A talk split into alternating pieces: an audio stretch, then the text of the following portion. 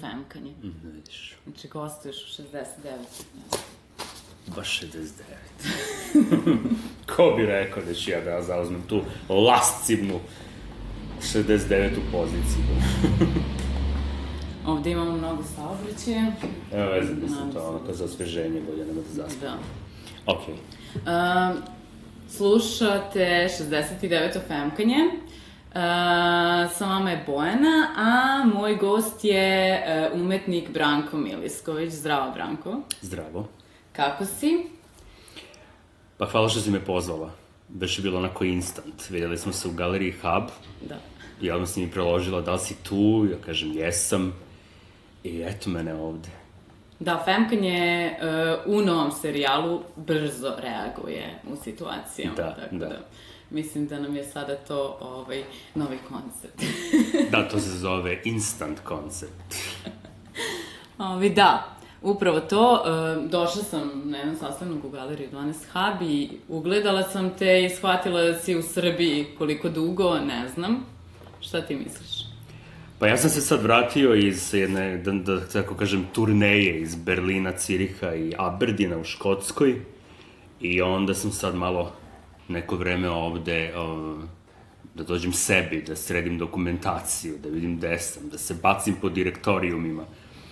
Ovaj, ja mislim da je to jako potrebno, jer um, ono, kad, kad imate ta intenzivna putovanja, onda izgubite ponekad identitet po tim svim hotelima i, i sobama i noseći se sa, sa svim tim novim ljudima. I onda je vrlo bitno da se čovek stacionira, da se onako primiri u jednom momentu i onda kažemo, e, to je to, ovo ide u džubre, ovo sada ovaj, reviziramo, a ovo ide u arhivu i sad vidimo šta je moj rad, dokle sam ja došao u tom momentu i šta ćemo dalje. I gde si se smestio u toplo porodično gnezdo? Da, u toplo porodično gnezdo pored aerodroma, da. Pretpostavljam da oni koji slušaju Femkanje, uh, oni i one, uh, znaju već za, za tvoj rad, ali voljela bih ti kažem prvo nešto o, to, o tvom obrazovanju. Da, da. I uh, kako si počeo i gde si sada, ajde, otprilike. Da. Uh, ti si, uh, ističeš u svojoj biografiji na svom sajtu da takođe pominješ i srednju školu, mm -hmm. koja je verovatno samim tim tebi bitna na neki mm -hmm. način. To je srednja arhitektonska Jest. škola.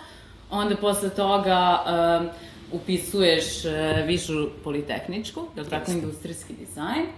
Nakon toga uh, vajarstvo uh, na FLU kod Da. Mrđana Bajića. Ne, prvo je bilo kod Dušana Petrovića, pa onda Mrđana Bajića. Dobro, i onda dobiješ stipendiju za Kraljevsku akademiju u Hagu, gde si dobio bachelor. Uh, jeste, mada je to malo komplikovanije, nisam ja odmah dobio stipendiju. Ja sam prvo poludeo, pa sam otišao za Hag i onda sam tamo dobio stipendiju. Mm -hmm. E, tako je to bilo. Mislim, mnogi misle da sam ja, eto tako, aplicirao, dobio stipendiju i onda sam rekao, ja te znate kako, ja moram tamo da idem. Ne, ja sam potpuno ovdje, onako da kažem, skrenuo sa svim tim, uh, mislim, od svih tih problema koje sam ja nailazio tamo. I to, ono, kao šta je akademija, zbog čega se sve to radi, šta studenti studiraju, uh, šta posle. Tako da, eto, to je, o tome ćemo pričati malo kasnije, detaljnije, a ovaj, za sad je... Mislim da, je to jako bitan, ovaj, Da. bitan faktor Da, čitavog razvoja, um, Apsolutno. umetničkog razvoja. A kaži mi, e, politehničku si završio skroz Ne, si se prebacivao? Znači, Ne, to je, to je, to je sve isto interesantno, jer ja sam prvo trebalo, trebalo je prvo da upišem um, um, školu za dizajn. To je meni bilo onako onda u tom momentu ja sam hteo da budem modni dizajner i naravno nisu me primili i onda posle toga sam uh, nešto najsličnije tome što je bilo moguće, jeste bila srednja arhitektonska škola i ona mi je, moram da priznam, baš ono, pomogla u, u profilisanju, jer mi nismo samo bili tehničari tamo, kome ono, vi date plan i program, pa onda kao moraš na osnovu toga da središ uh, plan uh, stambene zgrade ili već čega.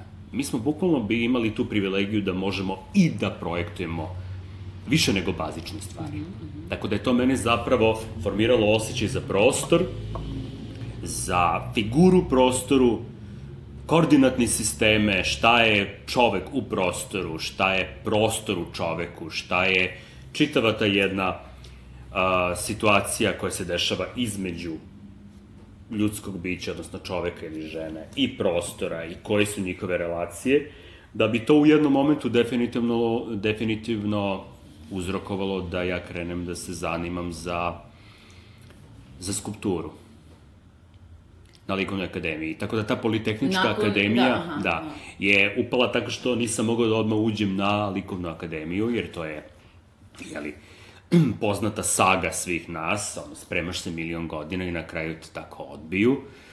E, onda sam ja tu akademiju Politehničku studirao jedno dve godine i onda su me primili na likovnu akademiju iz drugog puta i ja sam to napustio, jer nisam mogao da studiram jedno i drugo paralelno i, ovaj, i uopšte se ne kajem, mislim.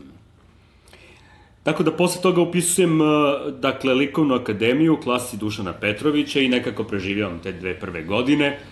Ovaj, već ja onda u druge godini počinjem da kujem planove, gde ću, šta ću, zato što, znaš, kad se, kad se nađeš na akademiju u prvoj godini, onda ti sve izgleda onako kao, wow, ti si sada na akademiji, ne znam koja privilegija je to, pa onda nosiš one ogromne mape, one crteže, pa se vraćaš, pa kao, samo čekaš da te svako tamo na, na putu pita šta studiraš, e, ja studiram likovnu akademiju.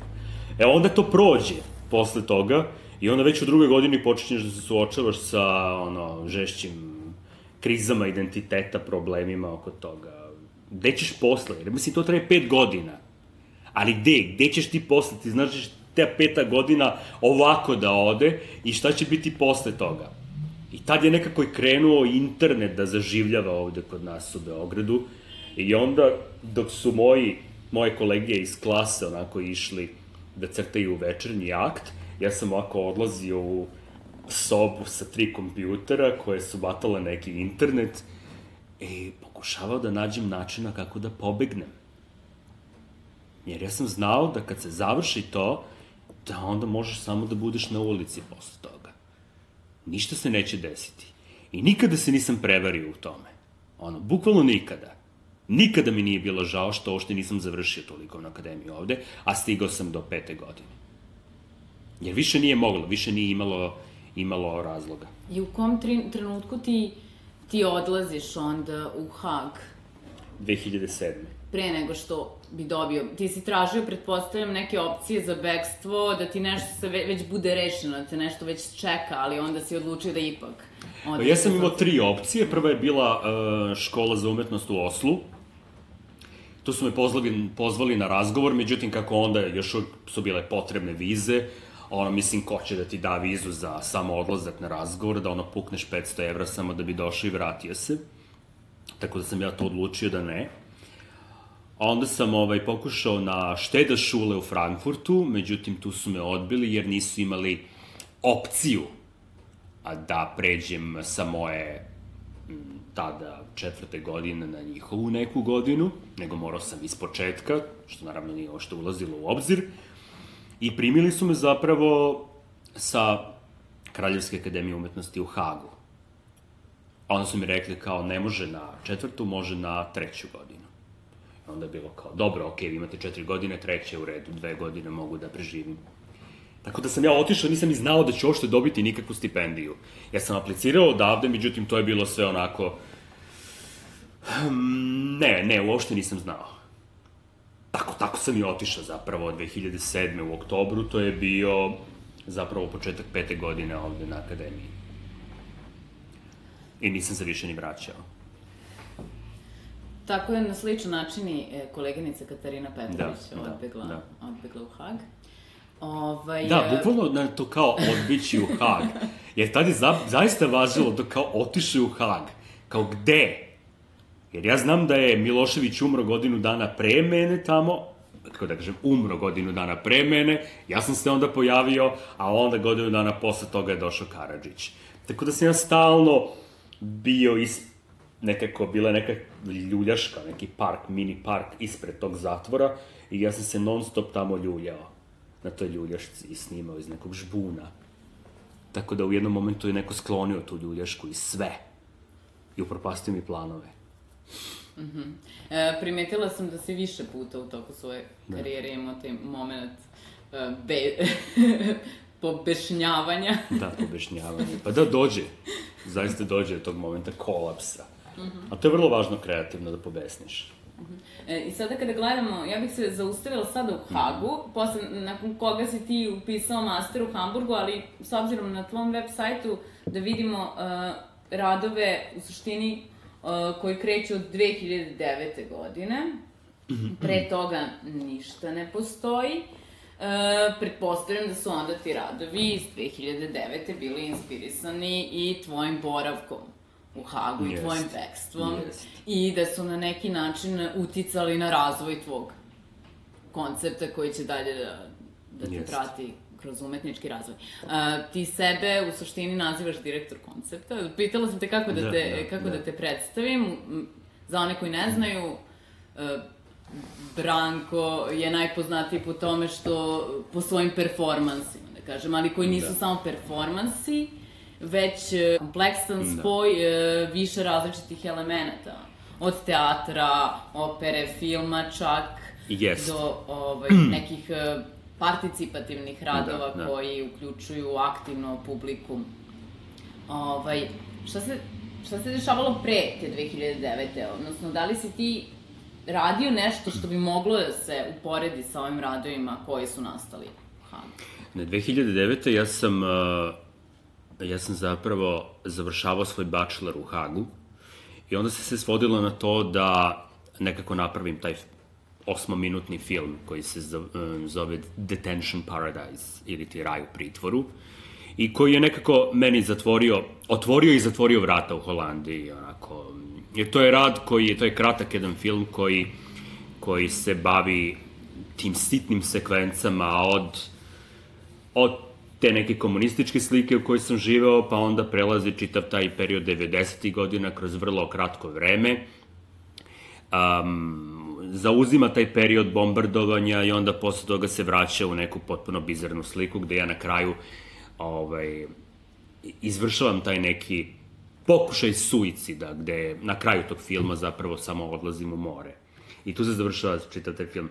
Taj film je zapravo bio um, nominovan onda za festival u Rotterdamu Tent, onda je išao na Utrecht festival, onda je bio u Amsterdamu, bio je u Den Boschu, bio je svuda u Holandiji. Tako da sam ja zaista putovao sa tim filmom kroz čitavu Holandiju. Međutim, onda kad se to sve završilo, onda je ostalo sve na tome. Tako da ja posle toga, posle te 2009. uopšte nisam dobio ni jedan, uh, ni jedan poziv iz te Holandije za bilo kakvu saradnju, za bilo šta. Jer kao, imam osjećaj kao da nikada tamo nisam ni bio. Kao da sam otišao zapravo kao intruder, što je zapravo moj današnji koncept, da da bukvalno to, izvršim nešto, izvršim misiju i nestanem. E, tako izgledalo. Na, e, ti kao uljez, Da, da, takođe je jedan od e, Mm. koncepata tvojih, e, e, tvojih umetničkih Da, u poslednjih, da, u poslednje tri godine zapravo taj koncept uljeza, odnosno intrudera, vrlo, vrlo um, popularan u tom mom istraživanju i zapravo nastavljam da ga, da ga, da ga radim.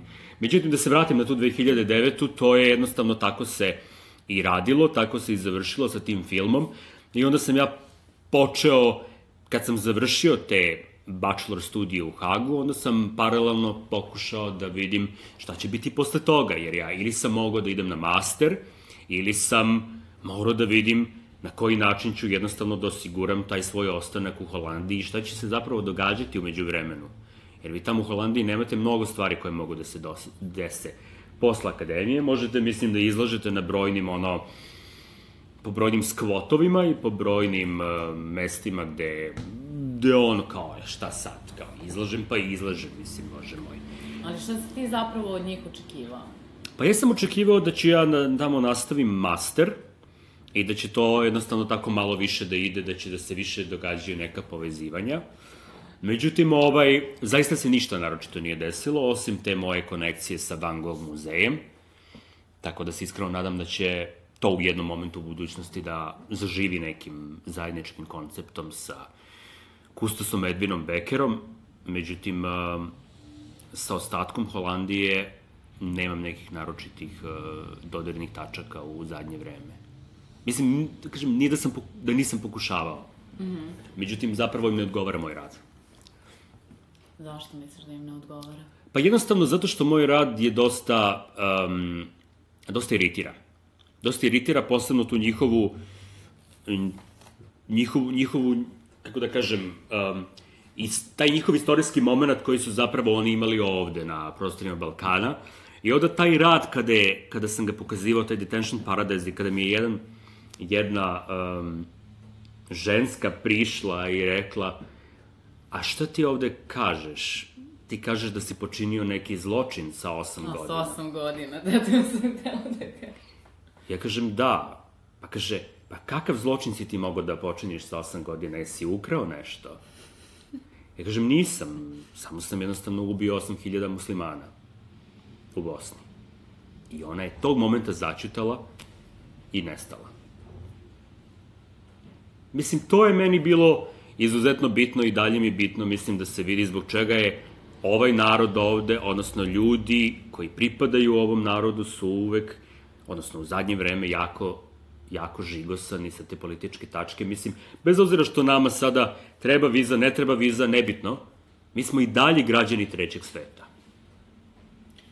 Da li ti se posle taj osjećaj odbačenosti e, negde izgubio u ne, Nemačkoj? Ne, ne, nikada. Ne. Pa ne, ja i ovde kad sam ja ono kao izuzetno se osjećam odbačenim. Pa to se negde i podrazumeva s da. obzirom da si, da si morao da... da ne, odeš. nikada, nikada. Ne mogu, mislim, ja mislim da je to zapravo moja priroda, ono što Marlene Dietrich rekla, da si smajna tua. Kao šta? Jer vi ćete, kao neko ko ne želi da se, da se povinuje određenoj političkoj strukturi, odnosno određenom sistemu. Ja mogu da kažem da sam, okay, ja sam sad završio to, imam sad neke izložbe, pa sad tamo kao, ok, imam neku izložbu, imam ovo izložbu, imam ovo izložbu, družimo se, radimo, ono kao koncept, mene zaista ne zanima to. Mislim, zato što vraćam se opet na ono da taj koncept intrudera, on ima jednu vrlo aktivnu i vrlo rigoroznu narav, a to je da ode na teritoriju zabode zastavu i pokuša odatle da vidi šta se događa, odnosno da kolonizuje tu teritoriju. E, a to se mnogima ne dopada. Mnogi neće da budu kolonizovani.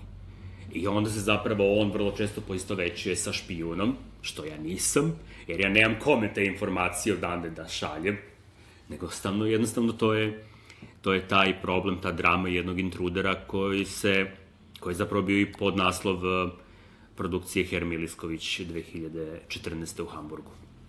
Upravo to sam htela i da te pitam. U Nemačkoj je dakle kreiran lik Hermi yes, Lisković. Yes.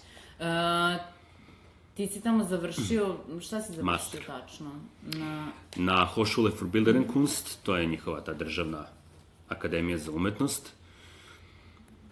Tako da, ovaj, ja moram da priznam da sam ja, ja sam tu krenuo 2010. i završio sam je 2000 13. I to je meni isto bio izgovor da bi odande kolonizovao tu teritoriju i ostale teritorije, jer ja sam nekako za sve to vreme najmanje provodio tamo.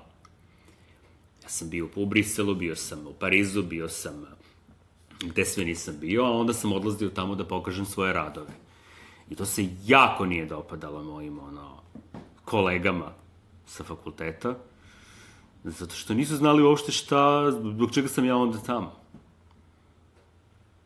E, ti si tamo, pretpostavljam, e, ma, mapirao probleme, negde, negde yeah. vidim da, mm. da i u Holandiji, sad u odnosu mm. na to što si radio u Holandiji, ono što si radio u Nemačkoj, ti si postavljao taj neki odnos između sebe kao nekoga ko dolazi sa Balkana i Srbije, ima neku uh, svoju istoriju u odnosu na neku njihovu istoriju, neke njihove probleme i bolne tačke. Mm -hmm.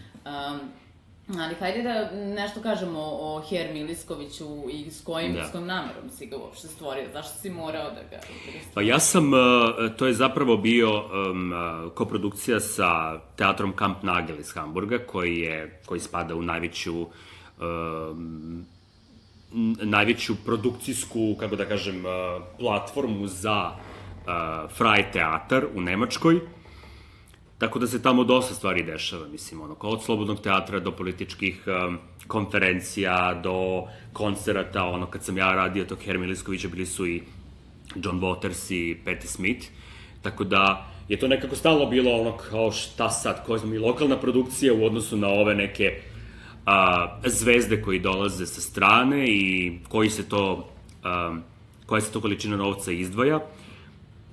Tako da sam ja zapravo aplicirao na državne pare, na taj Nachwuchsforderung, zajedno sa njima, i onda sam to dobio. I to je samim tim značilo da bi morao da izvedem neku produkciju u teatru. Ja sam dobio 10.000 evra, što spada u neki onako minimalni iznos koji može da se dobije za produkciju.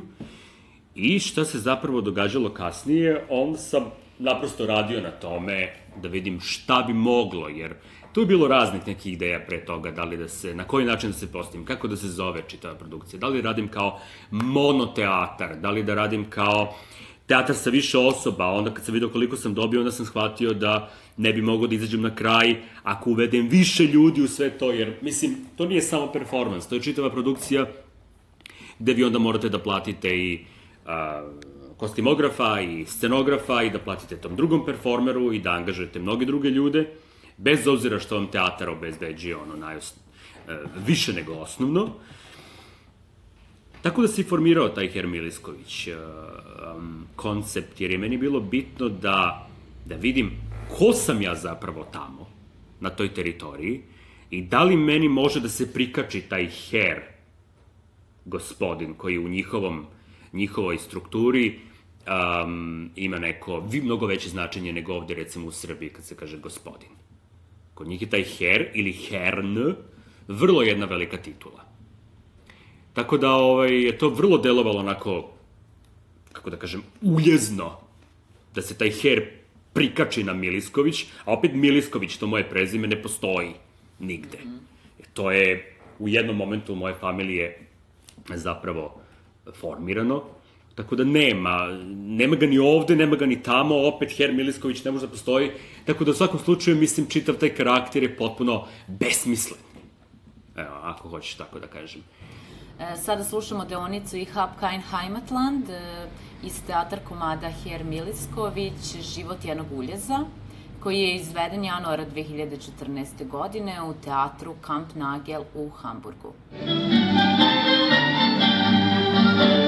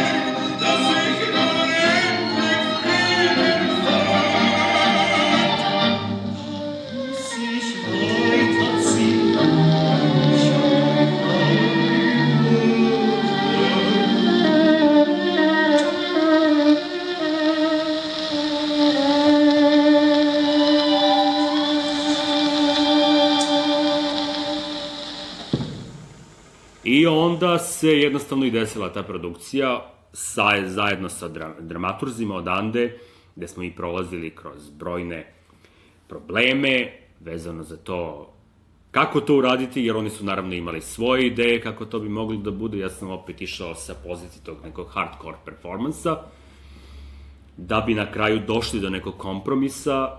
Ja sam tu kontaktirao a, Helen Schruder, jednu umetnicu iz, a, iz Nemačke, koja mi je i dalje ostala savršen partner u svemu tome, skoro sam bio kod nje u Berlinu. Tako da ona je to iznela, tu drugu, drugu polovinu tog Hermi Liskovića na jedan, na jedan izuzetan način. Mislim da ne bi mogao da nađem tako lako nikoga ko bi mogao na taj način da se odvoji od svog tela i da uđe u taj karakter i da ima te neke neverovatne kako da kažem, e, retoričke, glasovne sposobnosti da izvede sve to, jer tu je bilo dosta izazova.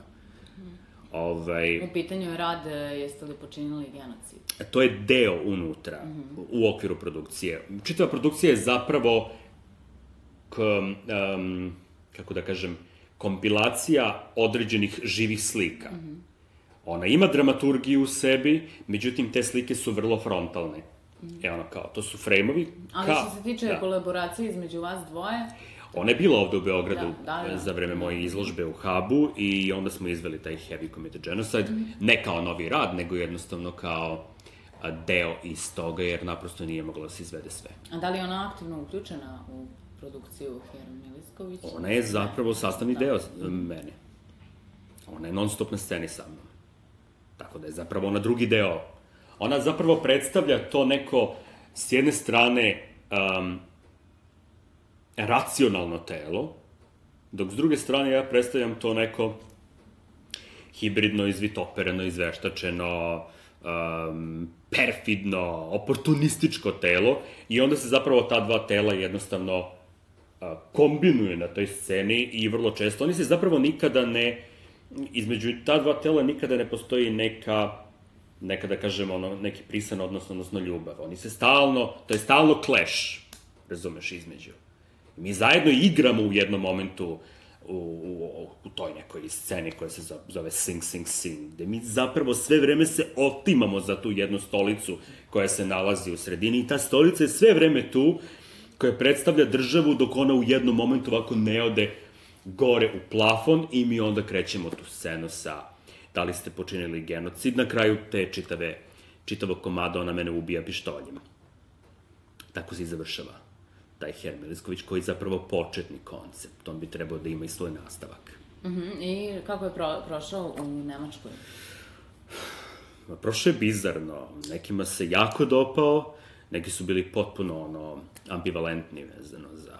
Neki uopšte nisu znali, neki su mislili da je zapravo komedija na početku, dok na kraju nisu došli do određenih scena gde ja kao speaker sa televizije čitam vesti o masovnim grobnicama, o svim tim ono, teškim detaljima, kako su iskopavane, zašto su se kosti koristile, o sapunima od kože i tako dalje, tako da to na kraju počinju ljudi već da ono, da se suočavaju sa svojom sobstvenom istorijom i mnogi su se osjećali jako nelagodno. I tako da na kraju i taj aplauz bio vrlo, vrlo, vrlo onako ograničen, jer zaista nisu znali gde da li je kraj, da li će biti još nešto posle toga, znaš, kao, da li će još neki šok da usledi. Zapravo, mislim, posle toga, toga se sve desilo da sam imao neki loš odnos sa samim teatrom i koji koji jednostavno nije mogo da se pomiri sa tom nekom situacijom. Malo je komplikovano, ne bih o tome da pričam, jer je vrlo jedna onako tabloidna tema, ali ovaj, samo da kažem da mi u ovom momentu nismo u dobrim odnosima. Tako da je taj intruder, ta produkcija Hermi Lisković bila prva i poslednja moja tamo. I dok se čitava struktura ne smeni, ja se ne vraćam u taj teatar. Tako da je to moj neki koncept. Slušamo deo iz teatar komada Hermi Lisković, život jednog uljeza scena pod nazivom Have you committed genocide? koje je Branko Milisković izveo u saradnji sa Helen Schröder u Kamp Nagel teatru u Hamburgu januara 2014. godine.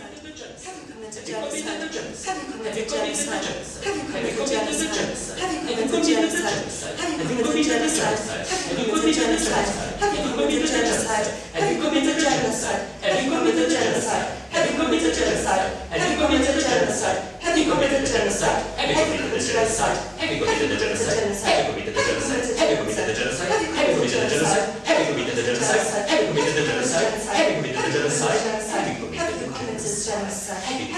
the genocide, having committed the genocide, having committed the genocide, having committed the genocide, having committed the genocide, having committed the genocide, have you committed the genocide? Have you committed the genocide? Have you committed the genocide? Have you committed the genocide? Have you committed the genocide? Have you committed the genocide? Have you committed the genocide? Have you committed a genocide?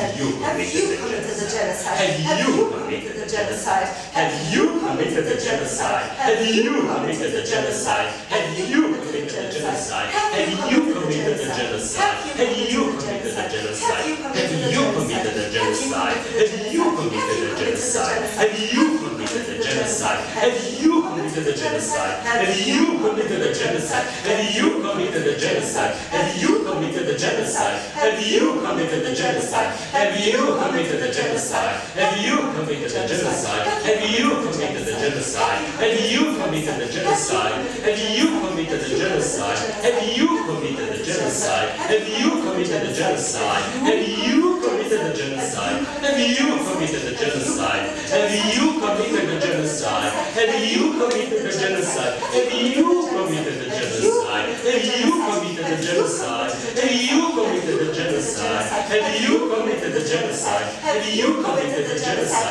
Have you committed a genocide? Have you committed a genocide? Have you committed a genocide? Have you committed a genocide? Have you committed a genocide? You committed a genocide? You committed a genocide? You committed a genocide? Have you committed a genocide?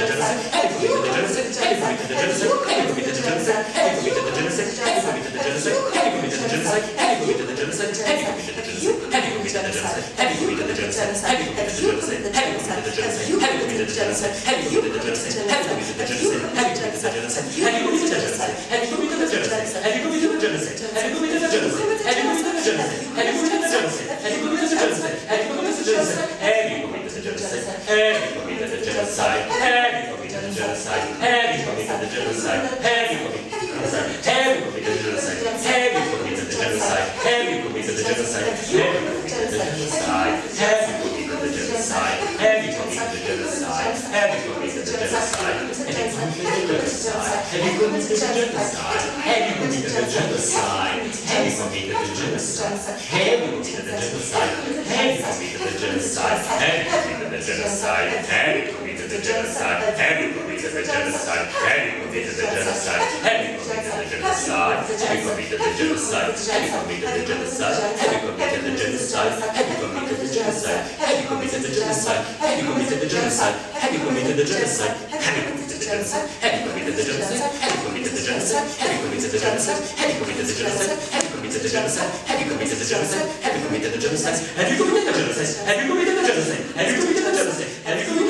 genocide? Have you committed a genocide? Have you committed a genocide? Have you committed a genocide? Have you committed a genocide? Have you committed a genocide? Have you committed a genocide? Have you committed a genocide? Have you committed a genocide? Have you committed genocide? Have you committed genocide? Have you committed genocide? Have you committed genocide? Have you committed genocide? Have you committed genocide? Have you committed genocide? Have you committed genocide? Have you committed genocide? Have you committed genocide? Have you committed genocide? Have you committed genocide?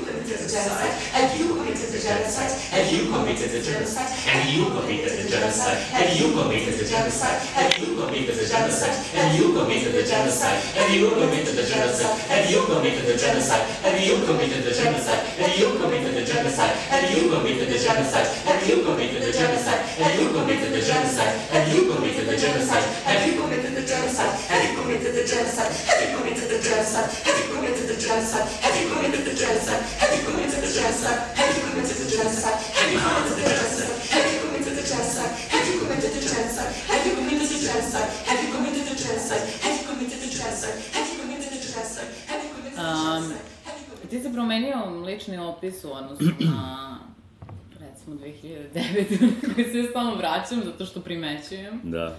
Uh, ti si kreirajući Hermiliskovića. To su tada se desilo. Kre, uh, postavljanje i te tri vrste tela koje koristiš što su Mm, političko, mm. socijalno i militarno. Ne, Hermi Lisković zapravo kreće od 2000, krajem 2013. A ja sam imao radove u... Ja sam onda imao period koji se dešavao u teatru Leale u Briselu, na koji me je prvo pozvala Jovana Stokić 2000, 2010. I ja sam prvi put otišao tamo, ja sam tad bio u Holandiji, otišao sam da izvedem taj performans u okviru koncepta The Non-Aligned. Um, I ja sam tad radio rad koji, koji se zvao uh, Enlightening, gde ja držim zapravo jednu baklju upaljenu 4 sata. I to je čitav da jedan, jedan onako dramatičan moment gde to gori, to pršti na sve strane, se ja znoj sad onako, potpuno se raspadam. Da bi, da bi to zapravo tad nekako krenulo, jer sledeće godine je direktorka tog teatra Fabian Verstraten pozvala da izvedem dva performansa i tada je zapravo nastao 2011. performans The Absolute, koji je zapravo, kombi, to su dve slike, prvog dana je uh, velika slika The Speech, a drugog dana je druga slika The Day of Defiance. The Speech to je jedan govornik koji stoji na jednom ogromnom postamentu i onako mali gore na tom vrhu zapravo četiri sata se obraća tom narodu koji je došao tu. I to je vrlo onako jedna, uh, jedna hipnotično histerična slika. Dok drugi dan je zapravo dan pobune, the, the Day of Defiance, gde zapravo pozivam sve te iste ljude da idu u rat sa mnom, u taj fiktivni rat, i ja zapravo koristim te četiri ogromne crvene zastave koje su za mene i koja salutiram njima i to stvara jednu isto ovako hipnotičku, dramatično hipnotičnu sliku. I samim tim, sa tim diapsolutom se zapravo počinju da se javljaju neke nove slike, i tad nekako kreće i, i, i, i um, koncept koji se zove The Song of a Soldier on Watch, odnosno Lili Marlene trećeg svetskog rata, koji je čitava jedna slika za sebe i koja kreće 2011. u Briselu i još se nije završila. Sada ulazi u neka potpuno nova, nove, nove oblike. E, koje godine je nastao rad? On je nastao na rezidenciji u Bain Connective, um, u Briselu. To je jedna od rezidencijalnih platformi tamo koja je tad još imala novca, mislim, da, da, da, da plati za produkciju i za um, smeštaj i za honorar umetnika koji su bili pozvani. Sad su oni malo propali, ali nema veze. Um, I ja sam onda predložio, ja sam onda nekako završavao taj Diapsolut u Briselu i išao sam u Trondheim Znači, to je bio april-maj 2011. Trondheim, Norvešku, na rezidenciju. I onda sam odande, radići na toj rezidenciji, pravio kolaboraciju sa Briselom i razmišljao šta bih ja sada mogao da uradim tamo na novoj rezidenciji. I stalo mi je padalo to a, na pamet da mi ta pesma Lili Marlene ona, ona, mislim, ja tu pesmu znam od kako sam, ona, od kako sam se rodio. Ja sam sa tom pesmom stalno nešto živeo, ali ona je uvijek bila meni nekako ispod i stalno sam ja poistovećivao sa Balkan Expressom ili sam ja poistovećivao sa um, Marlene Dietrich da bi krenuo da zapravo istražujem istorija te pesme. I došao sam do potpuno neverovatnih zaključaka koji su me totalno vratili na ono da ja zapravo moram da nosim tu pesmu sad onako kao, kao teret, breme na mojim leđima i zapravo ispostavilo se da je zaista ono opravdano. E, ta pesma je nastala uh, kao mala poema 1915. godine u Hamburgu, koji je komponovao, odnosno napisao uh, umetnik, pesnik i vojnik Hans Leip. I Hans Leip Ja sam se zaista u jednom momentu dok sam prošle godine podrobno radio na tom konceptu, na toj, toj monooperi, zaista sam se nekako poistovetio sa njim.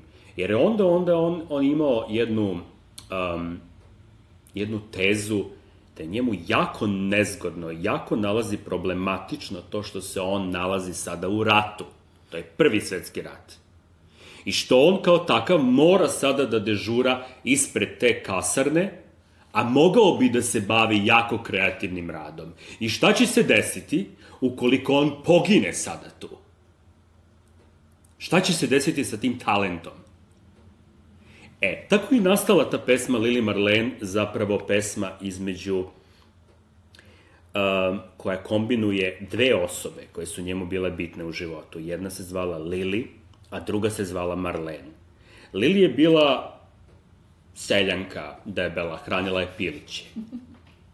A Marlene je bila aristokratska jedna ženska, koja je ona non stop nosila rukavice i imala je manire. Tako da on zaista spojio njih dve u jednu osobu i samim tim je nastao fiktivan lik Lili Marlene. Jer mnogi misle da je to osoba, ali ta osoba ne postoji i nikada nije postojala. Da bi ta pesma ostala tada u tom momentu kao mala poema koju niko nije hteo ni da izvodi, ni mislim kao koga briga, on jeste pravio neki mali notni sistem, međutim to niko da nikad nije svirao.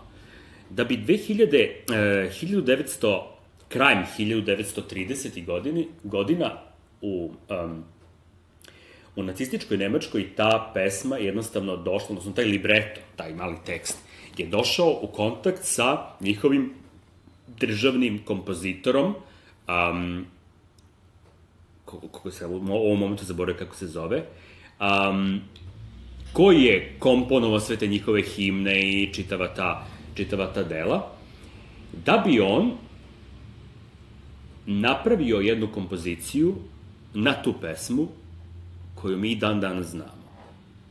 A, izvini, a da li autor pesme, e, pravi autor, autor je poginuo? Ne, ne, on je bio živ do nekih um, kasnih godina 20. veka.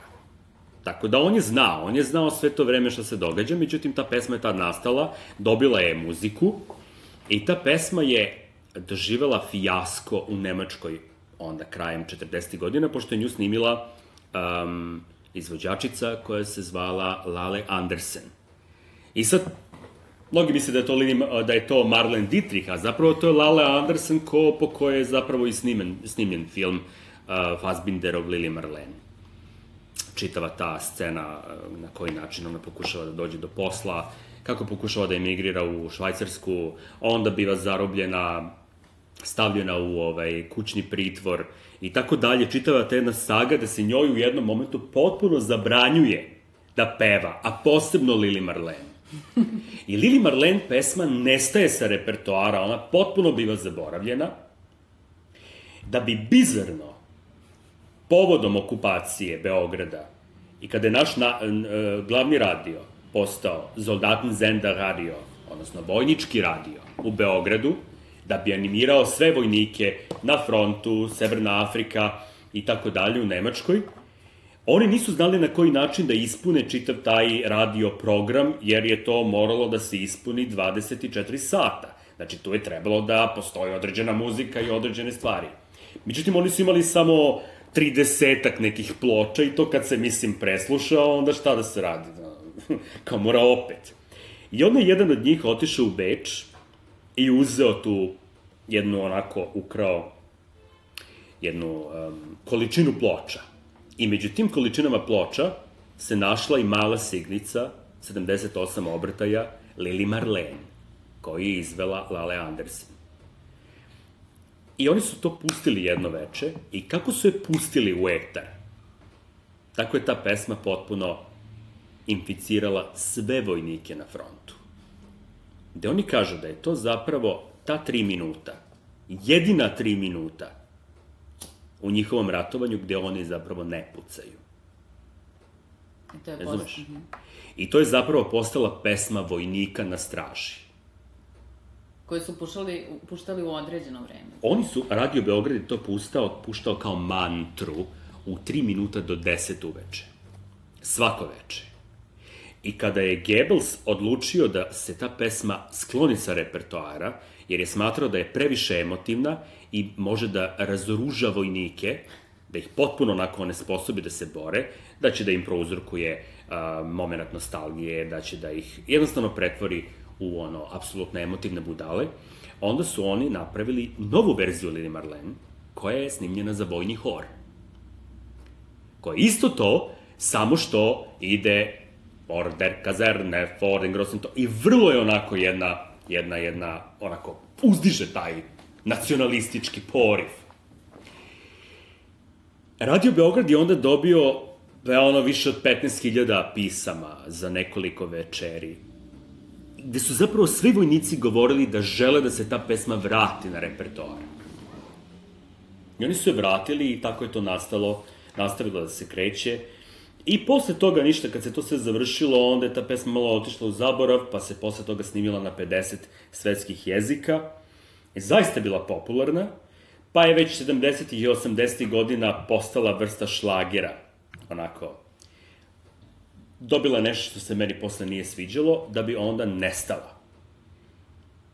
I zapravo ja sam odlučio da je, da je nosim sada sa sobom, da kažem da je ona nastala u Hamburgu gde sam bio, da je dobila popularnost u Beogradu gde sam se rodio, a onda umeđu vremenu sve se događalo, razumeš, nekako sam se našao između ta dva grada. I ta pesma je tada imala i još uvek ima uh, veoma bitan, bitan kontekst i koncept, zato što je to pesma koja nikada nije pozivala, ona je, uh, on se kaže, abused. Ja sam te, tezu pisao, master tezu, koja se zvala Rehabilitation of Abused Song, Lili Marlene. Mm. Lili Marlene u svom tom uh, um, konceptu ili bretu, ona nigde nema reference ni na kakav nacizam, ni na kakav rat, ona peva zapravo o vojniku koji je melankoliji, stoji ispred kasarne i čeka da se pojavi ta određena osoba ispod tog kandelabra. Mm -hmm. Ali ona se nikad neće pojaviti. I to je zapravo ta melanholija svi u nas, koje mi čekamo. Čekamo. I zato se nastavlja ta, to ponavljanje, ta, ta mantra. Ti non stop čekaš nešto što se neće desiti. A imaš želju. Da, dok je isto tako kod na, naših baka i deka, to ta nekako pesma budila uh, uh, sećanje na nešto jako strašno. Da, da, na, na drugi svetski rat. Pa zbog toga, zato što je da, zato što je ovaj, zloupotrebljena. Jer su se koristili jedni i drugi. Da li si proučavao kakav je odnos prema toj pesmi u drugim zemljama? Kao nisu Nemačka i Srbija. Pa vrlo bizarno da u Nemačkoj mnogi ne znaju za tu pesmu. Mislim, znaju ljudi koji su stariji, recimo, od 40 godina, ali moja generacija slabo zna. Mlađi ne znaju uopšte. Tako da ja mislim da je to zapravo desio se određeni određeni moment kada je to sve izbrisano iz njihove istorije da bi se desilo to što se zvala denacifikacija. Razumeš? A u ostalim drugim zemljama znaju do negde nekada prepoznaju melodiju, nekada nisu sigurni, nekada ne znaju reči, pošto je na nemačkom. Bez obzira što je izvođeno na mnogim svetskim jezicima, jednostavno ta nemačka verzija je ostala naj, naj, um, najupečatljivija i samim tim ja moram da kažem da zapravo ta pesma nije samo, mislim ona nije pesma, jer ona da je pesma ona bi jednostavno bila hit ono jednu godinu i otišla bi u zaborav. To je fenomen. To je fenomen koji se desio jer sama ta ritmika koju je Norbert Schulze sad sam se svetio, taj kompozitor koji je bio pri Trećem rajhu, ona zaista u toj njenoj strukturi melodičnoj ima efekat mantre. Jer ona ide po principu ra ra ra ra ra. Ra ra ra ra ra. Zumeš? Ona te uvlači samim tim i jednostavno ona je bukvalno opčinila sve te ljude koji onda nisu imali nikakav naročiti entertainment osim tog malog tranzistora. Ono, vrlo često nisu ni razumeli šta oni pevaju, da li pevaju Lili Marlen ili Vili Marlen, što Vili ima vrlo onako pežorativan aspekt, jer je, mislim... Dobro, i kako Tako si ti da... pristupio uh, radu koji se zove Pesma vojnika, Pesma vojnika na straži Lili Marlen Trećeg svetskog rata. On je nastao kao živa instalacija, jedna statična živa instalacija, gde ja jednostavno stojim, ja u tom momentu nisam tačno ni znao kako će to tačno da izgleda, tako da se ona menja. Ona se menja od 2011. do sada ona je promenila četiri kostima i ta čitava šminka, bez obzira što, što to izgleda vrlo strikt, taj striktni kod, ona se vrlo menjala. Tvoje izvođenje pesme? Moje izvođenje pesme se izuzetno menjalo. Mislim, postalo je ekspresivnije, bolja dikcija u svemu tome. Na početku nisam tačno ni znao neke reči kako se tačno izgovaraju, ono, pa onda malo sad kad slušam to izgleda bez veze. Ali, ovaj, ali sad, ona, znači, ona je 2011. nastala kao živa instalacija gde ja zapravo stojim nepomično 3 sata, ispred mene je onaj Elvis mikrofon, i ja sve vreme pevam tu pesmu, odnosno ja je pevam na svakih 10 minuta. Znači, ta pesma traje 3 minuta, a ovih ostalih 7 minuta pre toga služi da se čuju određeni zvuci mitraljeza, bombi. Da. i cvrčaka u, u, u toj travi iza, to je jedna takva scena, gde onda kreće sve tim bombama i onda bam, Lili Marlene. I tako ide iznova i iznova i iznova, dok se zaista ne formira taj ono hipnotički trans. I Her Milisković je tu i vojnik i Lile Marlene. Her Milisković je ono kombinacija svega tu. On ima Lili Marlene samo u jednom momentu, ono, negde na sredini čitavog grada. Ali Her Milisković je i, i političko telo, i socijalno telo, i militarno telo, i kvir telo, i ono, black and white, ono, znači to je sve black and white rađeno, po principu starih, starih, starih karaktera kao što su uh, Buster Keaton, recimo, pa i Charlie Chaplin, ili Frank, Frank Lloyd. Uh, Tako da, da, tako da, kažem, mislim, čitava ta estetika je vrlo vezana za to i sve je, sve je po principu vrlo, vrlo frontalno i vrlo grafički određeno. Mi slušamo pesmu Lili Marlene iz performansa The Song of a Soldier on Watch. Uh, Lili Marlene Trećeg svetskog rata, izvedenog u formi mono opere u teatru La Comédie u Remsu, februara 2015. godine. Bei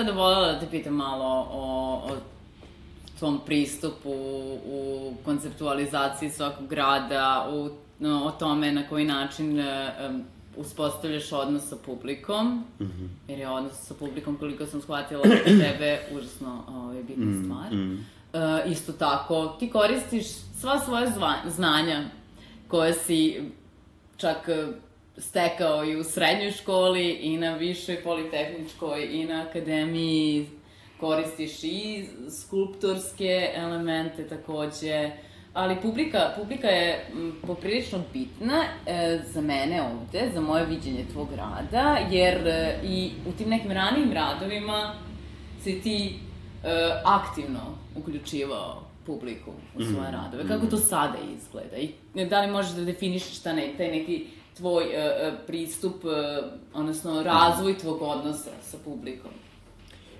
Na početku je to bilo vrlo ono frontalno. Publika sedi, ja izvodim.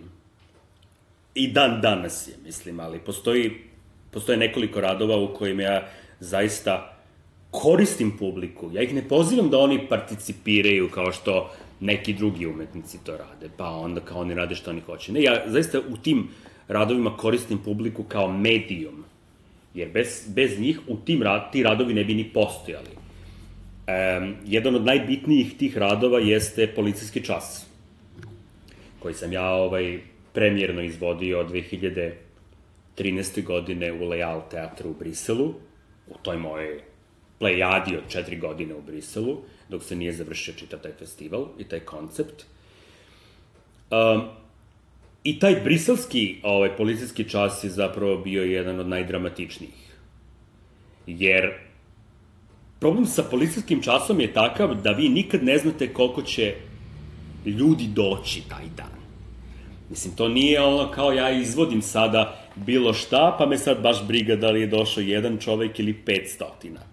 Ne, ovde zapravo kada, kada koristim ljude, masu publike, kao mediji, onda mora da bude više od 20 ljudi, inače čitav rad propada. I onda je najveći stres pred takvim, ono, takvim radom. I moram da priznam da sam uvijek imao sreće da, da dođe ono kao popriličan broj ljudi ovaj, na taj policijski čas, ali oni ne znaju šta će, šta će da im se desi. I onda ništa oni ulaze, dobijaju neke brojeve na ulazu šestocifrene, oni tu tako malo se smeju, nešto, kao i sva ono, publika kako ulazi, sedaju oni na te njihove stolice i onda oni misle da će sada da gledaju predstavu. A onda se pojavljujem ovako u jednom stilizovanom militarnom ovaj, izdanju, crno-plavo i nosim jednu fasciklu kao i ono iz Schindlerove liste i krećem zapravo da prozivam, da zovem brojeve. I sad oni jednom shvataju da zapravo ti brojevi su zbog toga, a ne da bi ja sada, da bi oni se zezali sa tim brojevima. I oni I su na imali početku, brojeve. Da, oni su imali brojeve. I na početku zapravo svi oklevaju. Znači ja vidim, sad ja imam, ja stojim na toj sceni i ja sad vidim, tačno vidim ko se trese, ko se nešto mršti, taj je dobio taj broj prvi. Međutim, on okleva da izađe. Ja onda nastavljam da prozivam isti taj broj. I ponovo, i ponovo, i ponovo, i onda se dos, desi ona jedna vrlo neprijatna situacija gde taj koji je dobio taj broj, znači, ili će da izađe na scenu, ili će da potpuno poludi od sramote i da napusti teatar. Jer u jednom momentu svi shvate da je on dobio taj broj i onda i čitava ta publika gleda u njega ili nju. Tako da je to vrlo jedna velika tenzija. E, taj prvi mora da probije led. I on ne zna šta će da se desi, on ne zna šta, šta se očekuje od njega na toj sceni. Mislim da, ono, da budemo iskreni, ja nikad ne bi izašao, ja nikad ne bi participirao u mojim performansima, ono, kao stvarno, to je ono, vrlo, vrlo idiotski. Međutim, o, izađe jedan, pa onda izađe drugi, pa oni vide, ja ih onda stavljam u jednu liniju, svrstavam ih, i onda oni dobijaju u jednom momentu neke papire sa tekstovima, sa nekim statementima, koje onda ja njih teram da čitaju najglasnije moguće dok su mi okrenuti leđima, sede na nekim stolicama. To se sve događa megafonom, ono, onako, sve je vrlo histerično, dok ostatak publike to gleda. A onda zapravo ljudi ne znaju da će sada svi oni biti pozvani da dođu na scenu. Što oni misle sa kao, aha, da, da. kao samo njih desetoro i ja i kao super nisam, nije mene prozvao. E, u drugoj polovini tog sata ja zapravo forsiram da oni svi dođu. I gotovo mi se nikad nije desilo da, ovaj, da, da neće da izađu na scenu. Ostane nekada po ono desetak ljudi, koji ono namerno neće, to su ono pravi disidenti. Ali ovaj, uglavnom izađu i onda su onako kao, ono što bi se reklo, guske u magli, onako ne znaju, ne znaju šta sada se desi, kao kuda da idu, da li da, da, li da stoje, da li da uspravno, da li da se pomeraju. I onda im ja dajem instrukcije megafonom. Da se premeštio iz jednog kvadrata u drugi, u treći, jer ja sam zapravo tu čitavu scenu podelio na uh, četiri kvadra, u kojima ja kad kažem sada je zapravo politička divizija, onda se oni svi pomeraju u jedan kvadar, po određenoj političkoj diviziji. Demokrate idu desno, komunisti levo, nacisti ako ih ima idu nazad. Onda je zapravo pitanje ko će da se deklariše. To je zapravo self-deklaracija. Mm -hmm Ko će sad da se deklariše kao nacista? Onda se neko zezne pa ode, pa onda svi gledaju u njega, pa se on vrati. Pa onda posle toga imamo socijalne divizije, na zaposlene, nezaposlene, na a, siromašne, na super bogate, na srednju klasu. Tako da se to onda mešaju oni neverovatno, mislim, u tim, na toj, na toj čitavoj sceni. Onda ne pričamo o, o dženderu, ko je gej, ko je trans, ko je straight, ko je ovo, ko je ono I zaista, mislim, kad se to posle posmatra kao video materijal, onda, onda, onda, onda kao shvatiš da to nema nikakvog više smisla. Jer svako je svašta. Ispade na kraju, mislim, taj što je bio gej, da je on i nacista, a i komunista, a onaj, mislim, ovaj, demokrata, on je siromašan, a opet ovi su za monarhiju, či tu se stoje ludilo, mislim, koje nastaje u tim divizijama. Tako da, eto, to je jedan pa, taj bitan participativni rad koji sam ja radio u Briselu, Marseju, Hamburgu i u Beogradu kao jedan deo u, na otvaranju moje izložbe u Habu. I moram da priznam da me Beograd potpuno onako ovaj, iznenadio i razočarao. Ja sam mislio da će, oni, da će ljudi ovde biti mnogo buntovniji, međutim... Uh, navikli su. Navikli su. Navikli su na, na represiju. Gde su bili najbuntovniji? Da li se bunt ikada pojavio? U Briselu i u Marseju. Recimo, u kom, Nemačka... U kom vidu se pojavio? U vidu da su jednostavno ovaj, počeli da se, da se, da se opiru tome. U Briselu je bilo onako najekspresivnije, jer je jedan momak uh, jednostavno napustio teatar. Onako je zgužvao taj papir i bacio ga na početku jer nije hteo da čita taj tekst, jer ja sam insistirao, jače, jače, jače, razumeš? E onda je on ovako besno, to se sve, to, se, to, je, to je neverovatno kako se to dobro vidi kroz posle na kameri.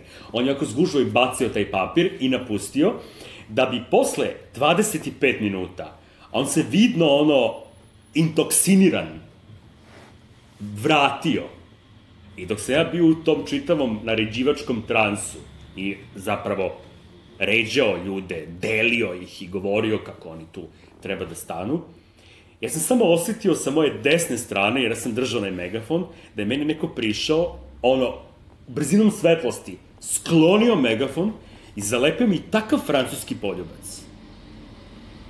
Ja prvo nisam znao gde sam. Znači, to je problem što vi morate da ostanete u karakteru. Znači, ne mogu ja sad da se opirem ili ne znam šta. Ja se potpuno Znači, ja ne znam šta, ne znam, ne znam ko je, jer taj čovek je meni potpuno ono, facu zaklonio svojom glavom, i ono kao, znaš, kao gurati jezik u usta, i gura, i gura, i gura, i na kraju onako potpuno podigao i bacio te tribine gde su ljudi bili, i opet je otišao. I onda je nastala potpuno ono histerična sramota u u publici među tim ljudima koji su bili na sceni, neki su umirali od smeha, neki su se ono vatali za glavu, neki nisu mogli da veruju šta se desilo, neki su mislili da je zapravo bilo iscenirano. Nija nisam znao zapravo šta se desilo. Tek kasnije sam ga sreo i onda mi on objasnio zapravo da je on bio izuzetno revoltiran. tako je nastupio. Ovaj, ti zapravo voliš da izazivaš neprijatnost. Ja ne radim to namerno. Ne radiš to Ne, ne. Ne, meni, meni provokacija nikada nije uh, glavni i osnovni cilj. Znači, to uvek nastane kao posledica određenih uh, stimulansa u okviru performansa, u okviru tog rada. A da li ti to planiraš? Pa nekad u nekom momentu ti možeš da predvidiš, e, ovo bi možda moglo da izazove to u određenoj grupi. Ali ne znaš. Recimo ovde u Beogradu, kada je bio isto se bizarno nešto desilo, sve se završilo super.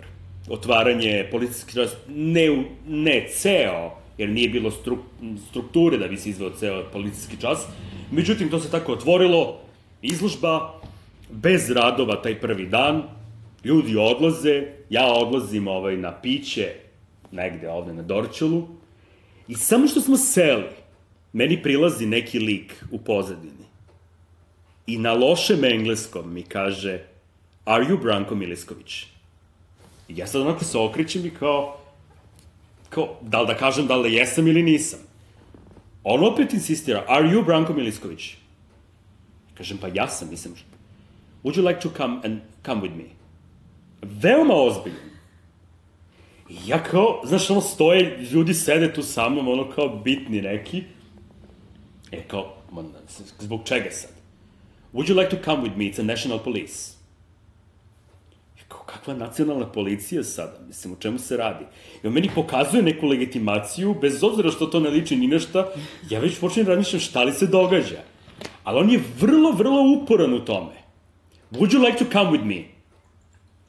I ja sad kao, ovi se svi osušili ispred mene, tajac nastao, ne znaju sad će da, šta će da bude.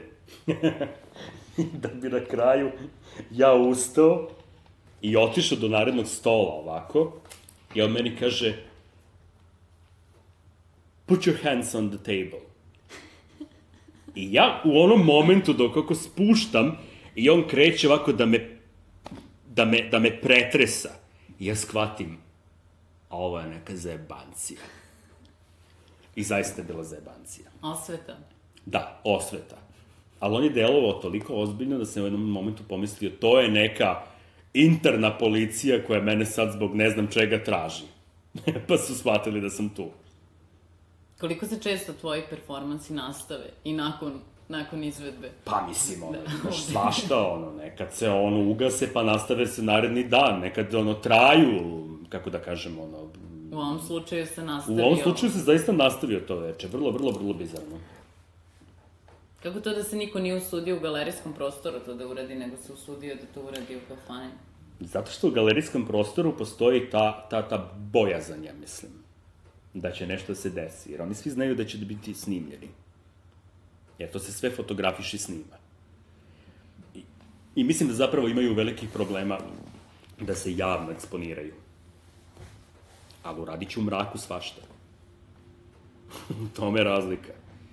Međutim, ovaj, u Hamburgu, recimo, nisu neki znali da su bili snimani i onda su posle toga insistirali da moj fotograf obriše te fotografije. Jer su smatrali da se na tim fotografijama vidi kako oni se kreću iz Deklarišu kao. deklarišu kao ovi, kao oni, možda nisu ni znali da su se deklarisali kao neonacisti. A to je isto bilo bizarno, jer kad sam prozvao, recimo, jevreje, niko nije izašao od 200 ljudi na sceni. Kako je moguće da nema jevreja u, tom, u toj grupi? A kada sam rekao neonacisti, onda su se svi onako kikotali. Bizarno, bizarno mislim, ali ono, vrlo, vrlo, vrlo sociološki zanimljivo. Tako da ja to zovem zapravo sociološki um, socijalni teatar, sample, presek na sceni. Ima li tu malo sadizma? Ima, ima koliko vol, da. Kako bi u, u, nekom, u, jednom od radova gde si uh, ležao na, kako se zove taj rad? Na šljunku, Na to se zove endling. E, u tekstu si upoređen, u tekstu u tom radu si kao e, spoj profesionalizma i mazohizma. Mazohizma, da. mazohizam, ovaj. M, Da li možeš da a, definišeš odnos sadizma i mazohizma u svojim radovima? Trenutno. Ja to ne gledam kao znaš, pos- postoji određena grupa performans umetnika koja je vrlo sad popularna recimo u Londonu ili u nekom delu Poljske, pa ih ima u Los Angelesu, recimo taj Ronati ili Franco B ili ta, kako se zove, uh, jedna Meksikanka, gde se oni zapravo ono, kače se na neke kuke, ono to, ili ide krv ili ne ide krv i tako dalje. Kako bi se isto kreći. Pa da, ali mislim, meni to nikada nije izazivalo neku, kako da kažem, inspiraciju da se na taj način da na taj način radim svoje radove, jer meni sam taj kao derviški moment, gde ja sad imam neke rupe po telu i sad se nešto kačim i sad svi gledaju kako se ja čerečim, meni to nikada ne bilo bitno i ja ne volim da prisustvujem takvim radovima, jer to za mene nije umetnost, to je za mene jednostavno neka underground kultura koja, eto, tako ima neke svoje a, svoje načine delovanja i nije mi, je, nije mi estetski, nije mi konceptualno opravdano i nije mi jasno zašto bi se uopšte ovaj, na takav bukvalan način nešto radilo. Mislim, mi to i, možemo sad da pravimo, recimo, paralelu između toga i, ne znam, um, ritma Marine Abramović gde ona urezuje zvezdu. Ali to nije išlo sa, sa namerom da bude vidljiv mazohizam. Da. To je koncept. Urezujem zvezdu na svom stomaku. Iz tog i tog razloga. Iz tog i tog razloga, a sad to što ide krv, pa biže, bože moj, mislim, ono, živi smo bića. Naravno da će da ide krv. Ali kad to krene već u taj, ka, taj vidljivi mazohizam i vidljivi sadizam, onda to me ne više ne zanima. U ovom slučaju je zapravo sve svedeno na to da ja svoje telo tako bez jedne odeće, kako da kažem, ne skidam se bez razloga, to je bio onako jedini put da sam, da je to konceptualno bilo opravdano i gde sam ja u toj, toj velikoj hali koja je bilo ono 8 stepeni, užasno hladno, ja sam ležao na tom šljunku, onda su oni meni dali neki šljunak koji nije bio onaj koji sam ja hteo sa plaže, nego je to bio onaj ispod pruge što se stavlja, mislim, onako toliko jak, oštar i užasan. I onda kad vi onako goli legnete na to, ono bude vrlo neprijatno na početku. I čitav koncept je bio da se ja u slow motionu krećem tim leđenim mišićima unazad. To je taj tri, tri sata, oko tri sata. I zapravo je bio inspirisan tom temom o poslednjoj vrsti. Handling je zapravo specijalni termin koji govori o poslednjem primerku svoje sobstvene vrste. Tako da na jedan vrlo onako sebičan način ja to pokazujem kao zadnji primerak svoje sobstvene vrste. Bez obzira da će to da se u jednom momentu, da će ja da se reprodukujem i tako dalje. Ja zapravo smatram da sam ja poslednji primerak vrste Branka Miliskovića. Razumeš? Razumem. E, tako da ovaj, je taj rad koji je ono vrlo, vrlo težak i naporan i koji posle toga ono, se zezaš sa granicom upale pluće i ne znam čega, ono sa brojnim hematomima na telu, je nešto što sam ja morao da izvedem tada u tom momentu i i to je taj neki sadizam ako ćemo o tome da pričamo. Odnosno mazohizam.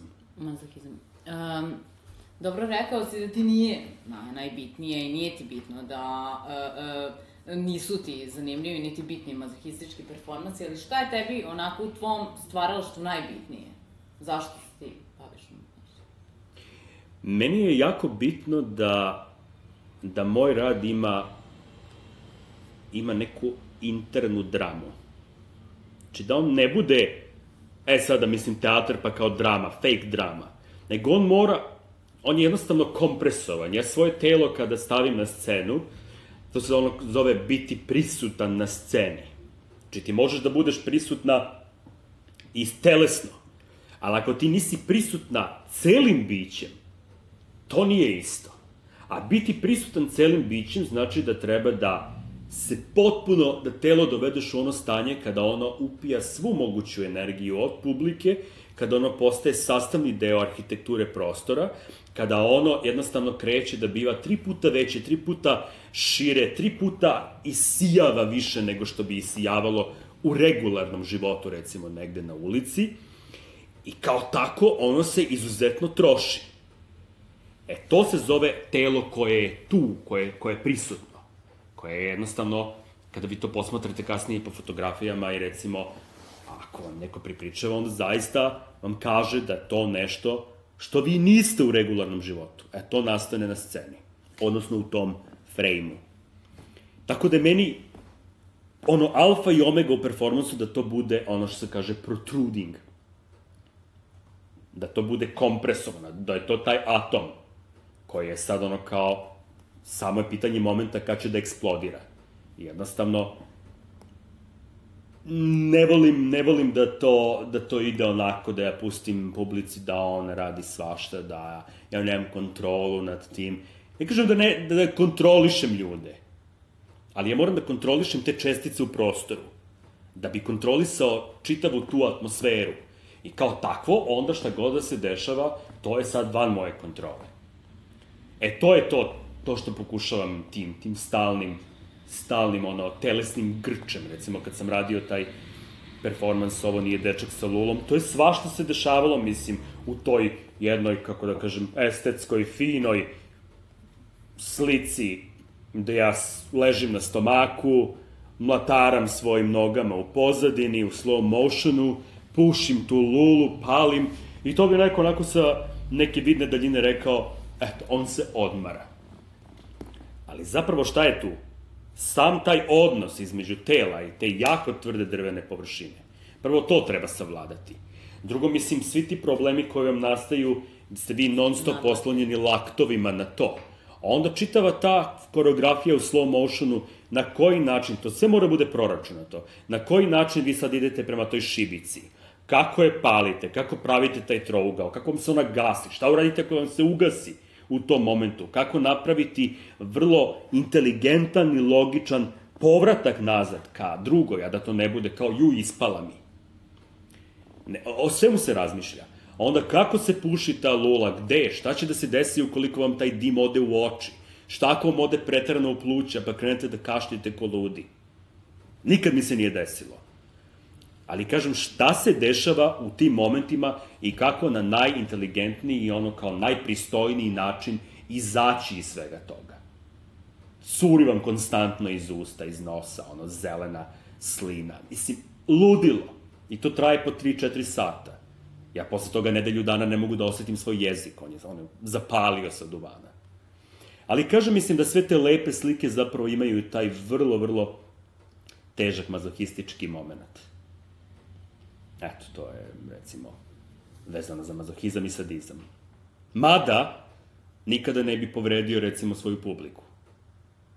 U fizičkom smislu. Pa ni u mentalnom. Sigurno, to si odlučio. Pa ne, ne volim, ne, ne volim da... Uvek mora da postoji onaj, onaj, onaj gap mm -hmm. između moje intervencije i samog tela publike. Mm, odvajaš se u suštini. Da, od, odvajam se. Bez obzira što ih, ako ih ja u policijskom času intervenišem, pa ih onda pipam, pa im dižem suknje i tako dalje. To nikada nije ono kao kada bi je recimo nekog sada namerno oborio na pod. E, to ja ne radim. Jer prvo nije po konceptu, drugo nije etički. E, tu je razlika. Zato što oni nisu došli tu da budu maltretirani.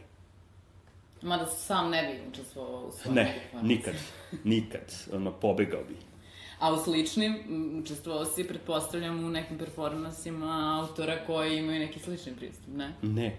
Ne, ne, ne znači, volim. Ne. Ne volim, ja se potpuno skamenim, ono, Da, da. i ako me baš teraš, ja onda poludim i odem. Ne, ne, nisam dobra publika, ne. Tako da nemoj da me zoveš kao publika nikad. Dobro. Umem da zračim izuzetno, ono. Kolerično, jezivo. Ne možeš da ovaj, ostaneš pasivni Ne, posmatrač. ne, ne, ne mogu, ne mogu, ne, ne. Budi ti se, Her Milisković u tom trenutku. Um, kada si već pomenuo dečaka sa lulom, ovaj, hajde da se osvrnemo, ovo nije dečak s lulom, da. to je drugo izvođenje, ponovno izvođenje tvog performansa koji je najpre bio ovde u Hubu, Da. u maju, koji je najpre bio uh, prikazan u Briselu na festivalu Trouble 8. Oni Da. su zapravo, pročitala sam da su oni kao naručili Da, da. zapravo taj performans. oni su naručili posle moje inicijative. Jer ja sam dve godine za redom izvodio na njihovom festivalu, jer sam bio pozvan. A onda se desila neka smena direktora i ja sam imao osjećaj da ja moram opet tamo da izvodim.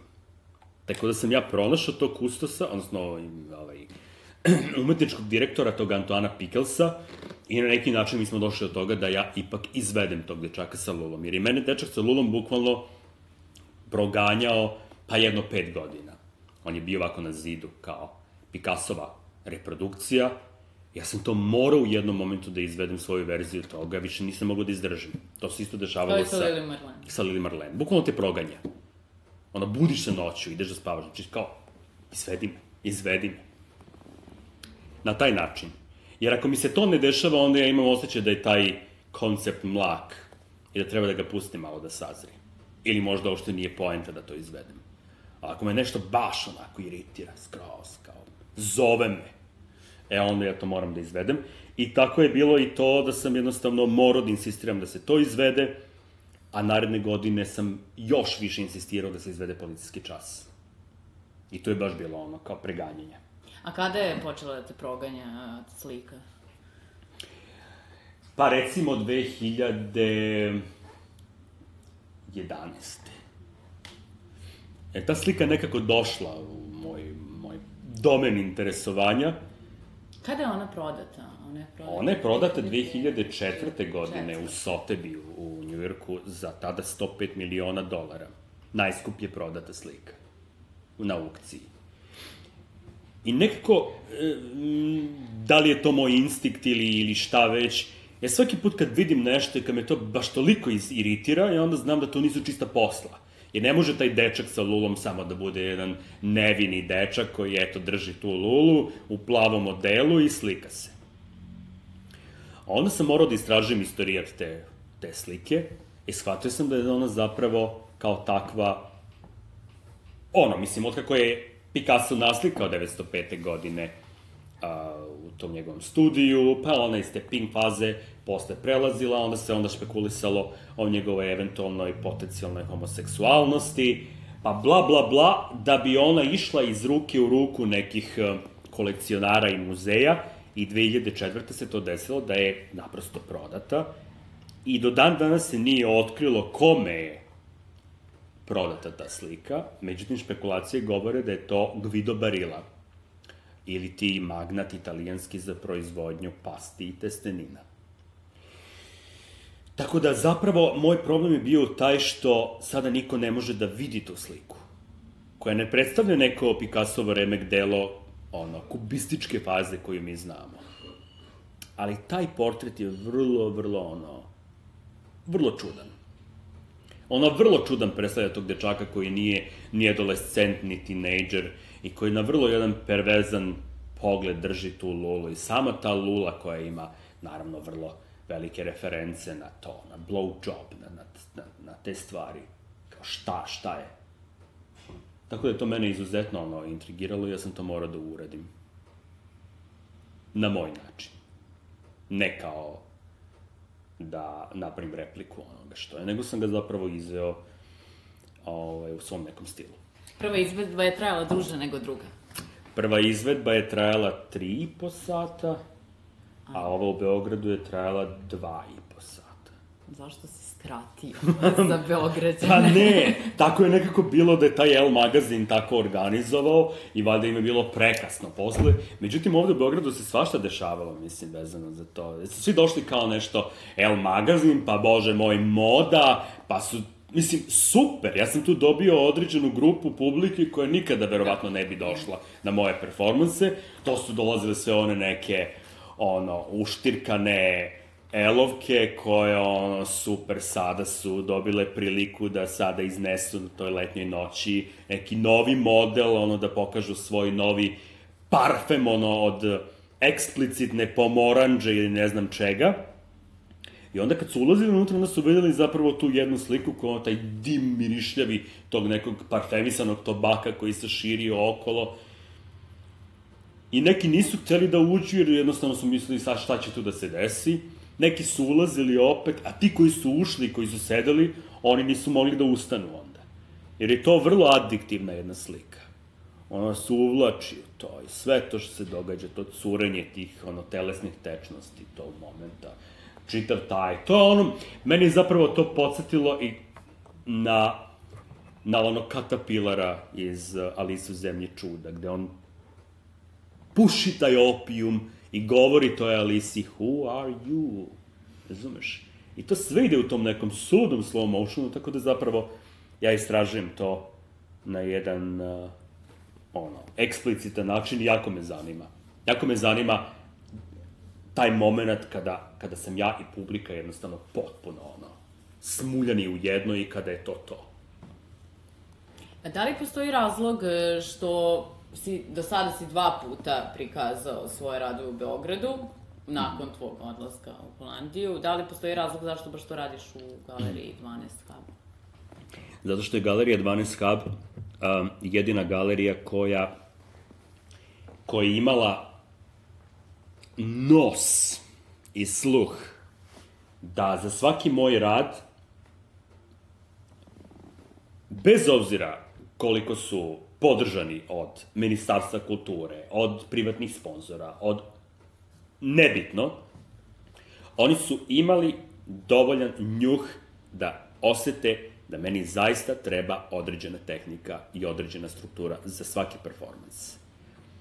Recimo, u galeriji Hub oni imaju one um, žute male svetiljke i to može da prođe ok kad su neka predavanja, kad su neke video instalacije, kada je tako nešto, međutim kada je ovakav performans koji je živa slika, koji mora da se profiliše tu, e onda on zahteva i ozbiljnija svetla. E za ozbiljnija svetla vi morate sada da se angažujete, da nađete nekoga ko će vam dati PC profile iz teatra, pa čak i ako to nađete, treba imati strukturu kako to okačiti. I kažem, ni jedna galerija, to je jedi, recimo primer, ni jedna druga galerija ovde u Beogradu, a pa i u Srbiji, ne bi išla toliko daleko da vam zaista pravi teatar u okviru galerijskog prostora. Pa da, mislim, šta da govorimo, o produkciji mog kostima, o produkciji koje čega, mislim, nema da se zezamo. Jedina, zaista. Generalno, to je jedan od glavnih i problema. Glavnih problema, mislim, zato što ja zaista neću da sarađujem i neću da izlažem po drugim galerijama i meni nije cilj da okačim ono, u kulturnom centru Beograda da okačim svoje fotografije i eto, otvaranje. Ja se zaista ne zadovoljavam time. Kao baš me briga, ono, boli me dupe da okačim sad. Neće da se prodaju prvo. Ako će to da bude prodajna izložba, onda okej. Okay. Baš me briga, napravim otvaranje, okačim sve fotografije, proda se sve, pola ide njima, pola ide meni, mislim, novca. Okay, super. A s obzirom da je to sve potpuno nekomercijalno, I onda ti dođeš do ono u situaciji da sve insfinansiraš sam, da bi okačila sve tamo pod njihovim uslovima i onda više niko ne dolazi posle otvaranja I onda dođe kraj izložbe, onda vas zovu i onda kao, aj sad da se to pokupi i nosi kući, šta? Koja je, koja je funkcija toga? Koja je svrha to te izložbe? Osim ono da se napiše biografiji. Tako da ja sam buntovnik po tom pitanju, ja zaista ne volim te to kao standardno, kako izložba treba da bude otvorena i zatvorena i to je to.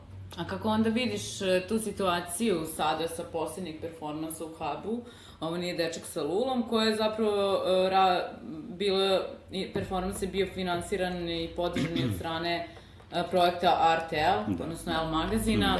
Da. Uh, kako, kako vidiš uh, taj sada odnos i komercijalizaciju zapravo čitavog događaja od strane L magazina. Mm. Zato što vidimo ovde na tvojim, na tvom web sajtu, ti veoma vodiš računa o tome kakva ti je video arhiva, da, da. Um, kako se montira, ko snima, kakav je kadar. Mislim, sada toliko ima elemenata kojima bismo mi mogli da pričamo, ali prosto ne možemo da stignemo. Da, ali je jasno satima, da, da, da vodiš računa vrlo o svakom seg mm. segmentu. I onda se ovde dešava jedan prilog. Artel. Prilog. To je bilo početkom maja 2015. godine, kada mene Milica Pekić umetnička direktorka galerije G12 Huba pozvala telefonom i rekla mi, e, znaš, mi imamo priliku da El magazin sa, u okviru tog RTL programa hoće da napravi, da producira jedan rad ovde u galeriji, kao vezano za performans, i da li bi ti bio zainteresovan, da li bi ti uopšte znao ili imao šta da izvedeš. I naravno, meni se tu odmah formiralo u glavi to kao, aha, okej, okay, koliko, koliko novca, kad, gde, zašto, jer performans je bio najavljen za 31. maj. Znači, vi ne možete tu mnogo sada da izmišljate da sad novi rad. I onda sam se ja sastao sa Milicom i onda smo u tom momentu donali odluku da to bude Dečak sa Lulom, jer je sam rad kao takav poprilično festivalskog tipa, a opet nije teatar.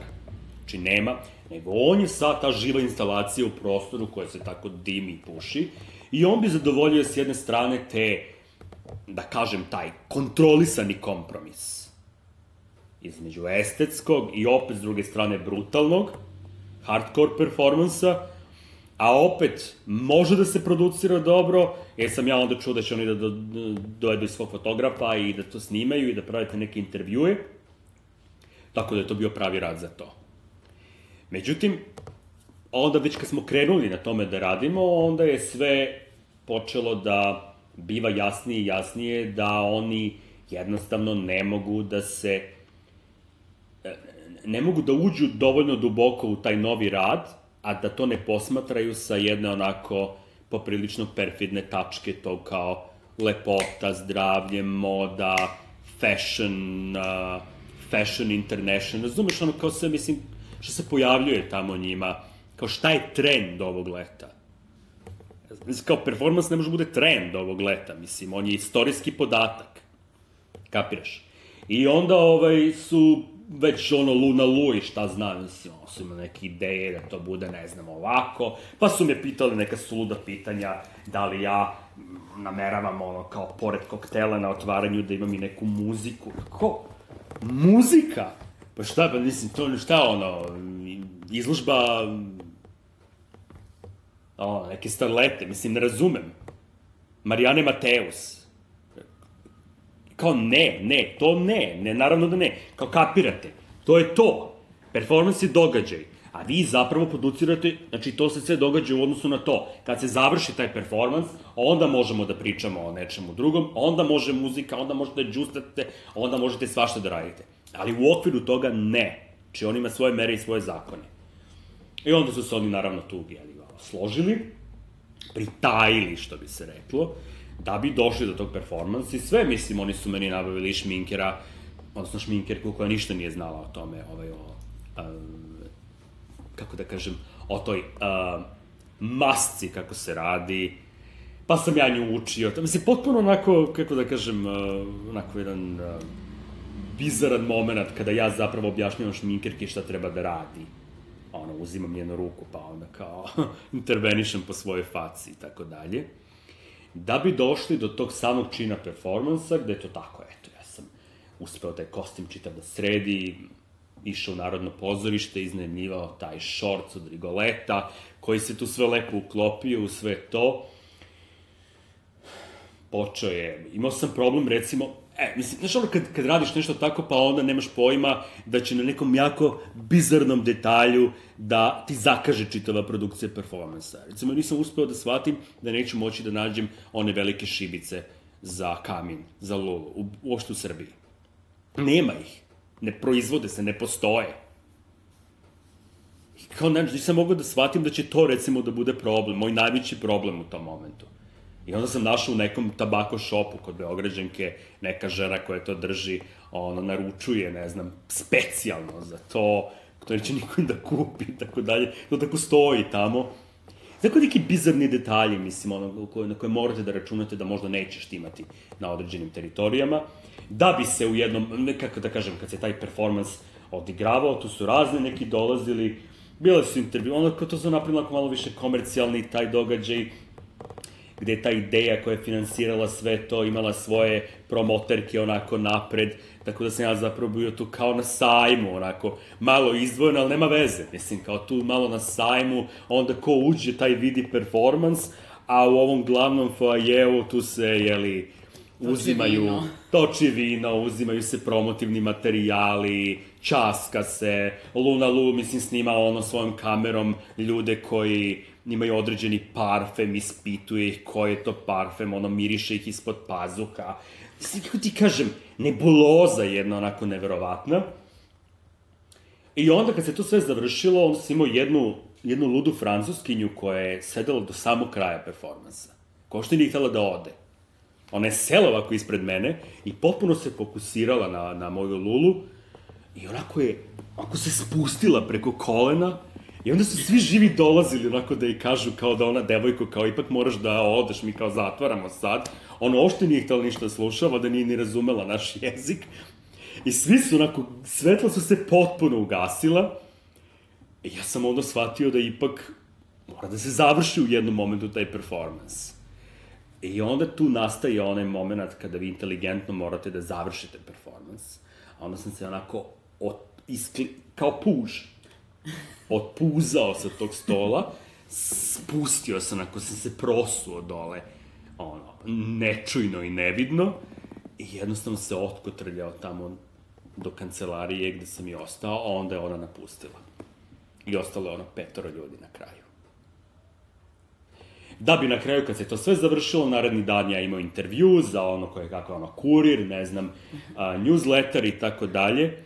I onda, mislim, naredni dan izlazim u kuriru, ono, na ogromnoj strani gde piše srpski umetnik uh, Picasso 21. veka. Mislim, onako, bomba naslov, znaš, kao mogu sam da dobijem srpski umetnik ili ubio nekog, izašao na naslovnoj strani ili da sam Picasso 21. veka. Znači, neka sredina ne postoji. Rekla da ovaj, čita, či, čitao priča o ovom poslednjem tvom izlaganju u Beogradu je može da prikaže i stanje ovaj, nezavisne kulturno-umetničke scene Je, u Srbiji. onako U po- malom. Da, da, nezavisno. Izuzetno. Nezavidna. da, da, nezavidna. Tako da posle toga svega, ja sam onda krenuo na prikupljanje tih dokumentacija i svega ostalog, što je naravno trebalo da izađe u narednom broju tog L magazina. Obrađivao to na način na koji ja smatram da treba, da ne budu jarke boje, jer imam svoju gamu načina na koji sagledam svaku fotografiju. Međutim, oni su zbog nekih njihovih li, licenci i tako dalje, ono, uzeli potpuno neke druge fotografije koje ja ošte nisam obradio. Moje te neke su stavili u magazin jako malo, onako moraju nekim teleskopom da se gledaju. Njihove su stavili malo nešto... Jedino što je intervju ispao ok, koji sam naravno ja morao da pregledam i da napravim revi, reviziju. Inače, ovako ispalo zaista kao neki spomenar. Očekivao sam malo drugačije to. Ali nema veze, oni su producirali to, ja sam dobio svoj honorar i svi smo zadovoljni. Da li planiraš ponovo da, da prikažeš nešto u Srbiji? Pa ne znam, mislim sam sa Milicom nešto da razgovaram, ali ako to bude bilo nešto, onda će to biti možda prva polovina, negde možda mart 2016. ili ne znam. A možda bude i druga polovina 2016. jer sam sledeće godine poprilično van, imam tu rezidenciju tri meseca u Ženevi, imam rezidenciju u Briselu, u Kaj teatru, tako da još uvek ne znam kad sam slobodan i kad bi mogu da napravim, ali, ali izložbu ne bih pravio izložbu ne, mogao bi da napravim, da, da mislim, da razmislim o jednovečernom performansu eventualno, ali o izložbi ne. Zaista, ovaj, zato što za izložbu treba i produkcija, treba i mnogo više novca, a ja ne vidim da bih, eh, da bi imalo smisla da se radim ponovo izložbu nakon godinu dana. Da li vidiš neki izlaz za srpsku umetničku scenu? I svoje negde. Pa komplikovano to pitanje, mislim, ako govorimo o vizualnim umetnostima, onda to tako neko, nekako tabori. Imamo te neke galerije kao što je U10, G12, eh, imamo ove državne galerije, Ozon i tako dalje. Sve to može i bez novca i sa malo novca nekako da se oformi. Ali za, za, za ovakvu neku, neku vrstu onog Gesamtkunstwerka, tog neke, neke totalne umetnosti, koja opet nije nije teatar da bi mogla se izvodi na, ne znam, pozorišnim daskama JDP-a ili u Bitefu, treba druga struktura. Treba druga struktura, treba mnogo više medija, treba mnogo više angažmana vezano da, da se publika jednostavno okupi. Jer ovako, i mediji su potpuno nezainteresovani, a osim ako nije neki skandal, a kažem, ne radim skandale, skandale sa ciljem, Ali skandalizovali su te na naslovnoj ali su skandalizovali na naslovnoj strani da sam Picasso 21. veka. Mislim, su onako vrlo bizarno, ono, sve te perverzne tačke mi nekako i godi, ali nema veze. Okej. Okay. Ali čitava ta naša scena, mislim da imam neki osjećaj kao da postoji ono što bi Vesna Trivalić rekla o otvorenim vratima, ničim izazvani optimizam. Znaš kao, svašta nešto događa, ali zapravo niko ne živi od toga. Svi nešto tabore, svi nešto pokazuju, onda ih pitaš pa jeste prodali nešto, ili kupuje neko to. Pa onda kao, super su zadovoljni ako im uopšte neko da prostor. Da li je to dovoljno? Mislim, da li je dovoljno u odnosu na recimo kada ja otvaram P92 sajt i gledam svaki dan Novaka Đokovića, razumeš, i sve o njegovom životu? Što je onda ovo manje važno sad?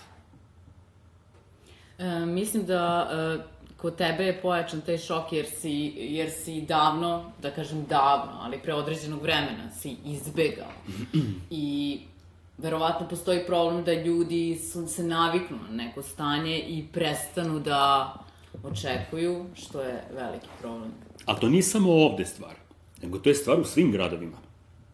Ono, od Njurka, Tokija, Los Angelesa, Brisela, Budimpešte, Beograda, znači svuda je to. Svuda postoji nešto se zove lokalna uštogljena celina. Odnosno scena. Gde ti imaš te neke lokalne umetnike koji to tako tavore nešto tu, mogu, ne moraju, misliš kao, možda su oni čak i neke vrste, neka vrsta globalne, odnosno, te neke urbane, urbana legenda, odnosno urbani karakteri. Mm -hmm. Ali nema veze. Znaš, kao, postoji taj mikroplan u okviru svakog grada. A mene to ne zanima. Ja neću da budem ni beogradski umetnik, neću da budem ni hamburški umetnik, neću da budem ni briselski, meni treba sve, meni, meni, meni razumeš, treba mi globus. Jer to je ono, kao ne vidim, ne vidim svoj, ne, ne reprezentujem ni jednu zemlju. Znači nisam, ne pikam lopticu na sceni, mislim. Tako da tu tome, u tome je ra- zapravo razlika. I nikada se ne, ne, ne mirim sa tom situacijom da nešto ne može. Aj sad zbog ovoga ne može ovo, ili kao, ne znam, nismo zainteresovani. Mora da se bude zainteresovan. I mora da postoji, ukoliko radimo na tome, znaš kako ti kažem, uh, to vrlo često zvuči vrlo arogantno i vrlo ono, vrlo, vrlo nasilno. Ali moj stav je takav, da ja nikada se ne ulizujem kustosu ili strukturi kao takvoj. Znači nije ono kao ja sam sada Adolf Hitler pa ja sad napadam. Ne, super ono kao na početku. Sve to može da bude vrlo ono fantastično i da budemo jako zadovoljni i da budem polite i da se obraćam uvek sa dear you. Ali na kraju svega toga, ukoliko to zaista ne ide, onda moraju da se upotrebe određene represivne metode. Ja ih ne volim, ja ono, imam jako veliki problem u stomaku sa tim. Ali ako se zaista, ako smo već ušli u to i ako ne ide do kraja, onda mora da se napravi sranje.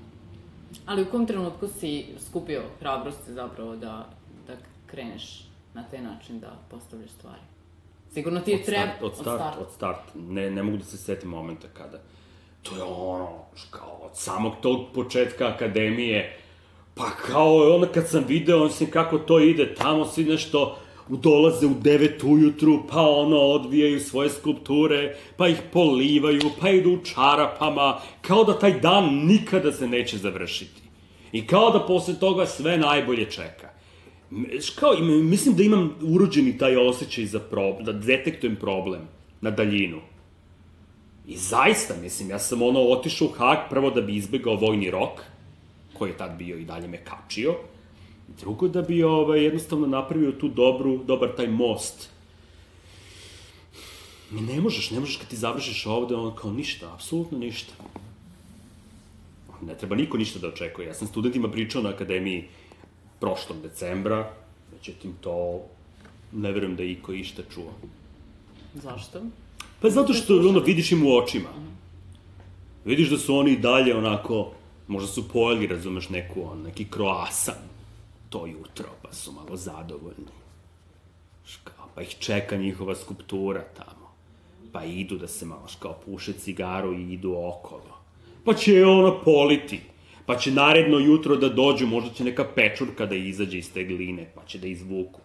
Ali će se sve završiti na tome. Veze nemaju kako se piše koncept, veze nemaju kako se piše motivaciono pismo, CV biografija to, nabacano, kako god, nikakva, nikakvi direktorijumi ne postoje, nikakva struktura, znači to veze nemaju, ono sve uglavnom na srpskom, pa onda kad ti dođe neki konkurs koji moraš da uradiš, u tom momentu deadline ti je za dva dana, aj prevedi svoju biografiju, motivacijno pismo koje nemaš i svoj koncept. Onda ih pitaš kao, a šta je tvoj umetnički statement? Ok, ne očekujem da neko ima na trećoj godini umetnički statement.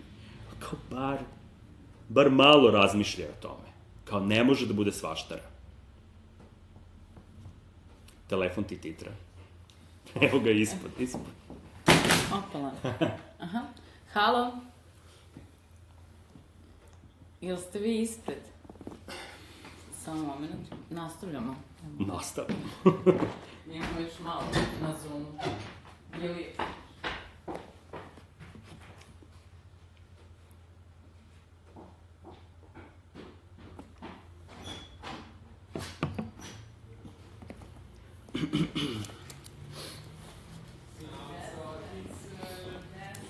Mi dalje, mi dalje smo u Fempenju, tako da vi ćete sada biti. Ne, ja da stavim kafu. Pa majko, mi- Stižu Vladimir Bjeličić i Ilija Milošević koji su već bili gosti u Fempenju. Pa kako si? Pa pa dobro. Na live ste u programu. To mi je dobro da čujem. A? A, pa da, nisam bio. To mi Da li imate možda neka pitanja za... O, ja, uvek imam za Branka pitanja. Nadam se da nisu lascivnog karaktera. Ne. Pošto je ovo 69. Fempenju. Ja sam se baš nadao da će biti Ne, lascivno. lascivno. Da su, mislim, malo neki. Ovo je 69. Znači, izdanje ove 69. Femkanja, tako da, da. Nadam se da će biti love 90, it. ovo je 96. po zoni. Ponovo ću Mislim, ono što bi te ja pitao, to je te verovatno Bojana već pitala. Ali dobro. Šta? Postavi pitanje. A? Pa kad je već 69, pa L. Pa 96, Pa 960, Pa 960. Da, da, no, possibilities are endless. Pa da. Ja sam to htio da te pitam. Mislim to, kako sam to ono oficijalno kao da viš mogu Da. gledam u to, u tu ružu, taj ana, anal iz koga izlazi. Mm, nešto. da, taj rosebud, da, Rosebud. da. Ovaj... Ali ajde vi pričate, ja stvarno moram da skupam Dobro, dobro. Ajde, ovaj. Ovaj, Ok, mi smo zapravo pri kraju Mm, prekrasno. Femkanja, s obzirom da pričamo već Hoćeš sat i neko kafu? 40 minuta. Sat i 40. Pa ne, ja sam kao kod svoje Um, Branko, kako vidiš svoju budućnost? Pomenuo, pomenuo se u jednom intervju da bi voleo da se digitalizuješ. Da. Pa ja mislim da sam krenuo već. Mislim, šta da kažem, meni je ta dokumentacija vrlo bitna jer je to neka, neka, neka vrsta kontinuiteta mog rada i mog života u budućnost, mislim. Ja imam vrlo često problem sa drugim uh, strukturama, ljudima, umetnicima, organizatorima koji koji imaju diametralno drugačiji odnos prema tome kao šta je dokumentacija. Pa onda kad tražim posle festivala da mi se dokumentacija ispostavi u naj, ono, najkraćem mogućem roku, onda oni to ne, ne kapiraju, pa mi onda stigne posle pola godine, ja kažem, e, zato, mislim, mene više ne zanima to. Mislim, okej, okay, može da bude u mojoj arhivi, ali ja više nemam, jer su drugi radovi došli, to su potisnuli i ne mogu ja sad odjednom sada da pokažem nešto što je bilo iz 2009. a neko se sad, ono, umilostivio, pa onda mi poslao, znaš. E, pomenuo si, koliko ne grešim, hologramsku projekciju. Pa, a vidit Pitala ćemo. sam te o budućnosti. Da, vidit ćemo, vidit ćemo, nemam pojma, mislim, kako će to da ide i gde, ali... Da, ja bih volao da to u jednom momentu zaista svako može da me downloaduje. ali ne kao HD projekciju ili nešto, nego zaista da budemo ono kao privatni digitalni eskort. Tako ja to vidim. Koji će opet, kako da kažem, na početku morati da ide ono kao kreditnim karticama, pa ako imaš onu free trial verziju i onda me dobiješ, malo se ja malo gubim ispred tebe, malo je ta konekcija loša, a ako, mislim, platiš, ne znam, premium od e, 200 dolara, onda sam ja tu sa tobom neograničeno, jel? Ja se stvarno nadam da će Femkanje u jednom trenutku moći da te plati. Pa pazi, mislim, ono, ako ću ja da se digitalizujem, onda ćete i vi da se digitalizujete, tako da ćemo možda tamo na nekom, u nekom momentu, onako, kao hologrami da radimo neko petohiljadito izdanje Femkanja, jel da? Mi se ponovo vidimo u 96. Femkanju, to smo se sad dogovorili. Dogovorili smo se, iskreno se nadam da će 96. Da postoji. da postoji, verovatno sa nekim ozbiljnim budžetom. Uh. ja su to bile sada želje. Ako su želje, hvala. Na Da, to lepim su, to su, to su pred, pred novogodišnji predizborne želje. Odlično. Ovaj, sada ćemo onda slušati dve stvari. Tako? Pa, e, mislim, tim, ja bih volio da na kraju uh, svega ovoga ostavimo ovu uh, ariju Tomb iz uh, mono opere Lili Marlene, koju sam izvodio u Remsu u La Comedia teatru uh, u februaru 2015. Jer ona traje nekih 12 minuta i mislim da, to, da je to super da se to živo izvođenje ovaj, ostavi za kraj. A ovaj, Femgan je uvek eh, i simulacija live. live A ovo je simulacija volimo live, a imamo simuliramo. interludere, Pa to su to, došli, to, to, neki uleteli nam u da, Da, da, studij, svi ovaj. će oni na kraju završiti u Jeste. 69. Ja, ja, ja, se, ja se osjećam kao da sam recimo u nekom početku ono B92 iz studija B, ono 91. godina. Kao ono, krijemo se od režima i snimamo Da, da. u privatnom stanu, a femkanje za jedno 5, 6, 7, 8, 10 godina će da bude ozbiljan medij. Nadamo se ne... ne, ne ono na što Ne si komercijalni. pa mislim, ne verujem taj medij koji će da ono hostuje velikog brata, jel? Da, da. Hvala ti puno. E, Hvala tebi. E, Slušali ste 69. Femkanje, sa nama je bio Branko Milisković, kome želimo sve najbolje na narednim rezidencijama, e, u narednim projektima i da se vidimo onda u 96. pa da rezimiramo. Apsolutno. Ćao! Zdravo. Dakle, za kraj slušamo finalnu ariju mono opere The Song of a Soldier on Watch. Thank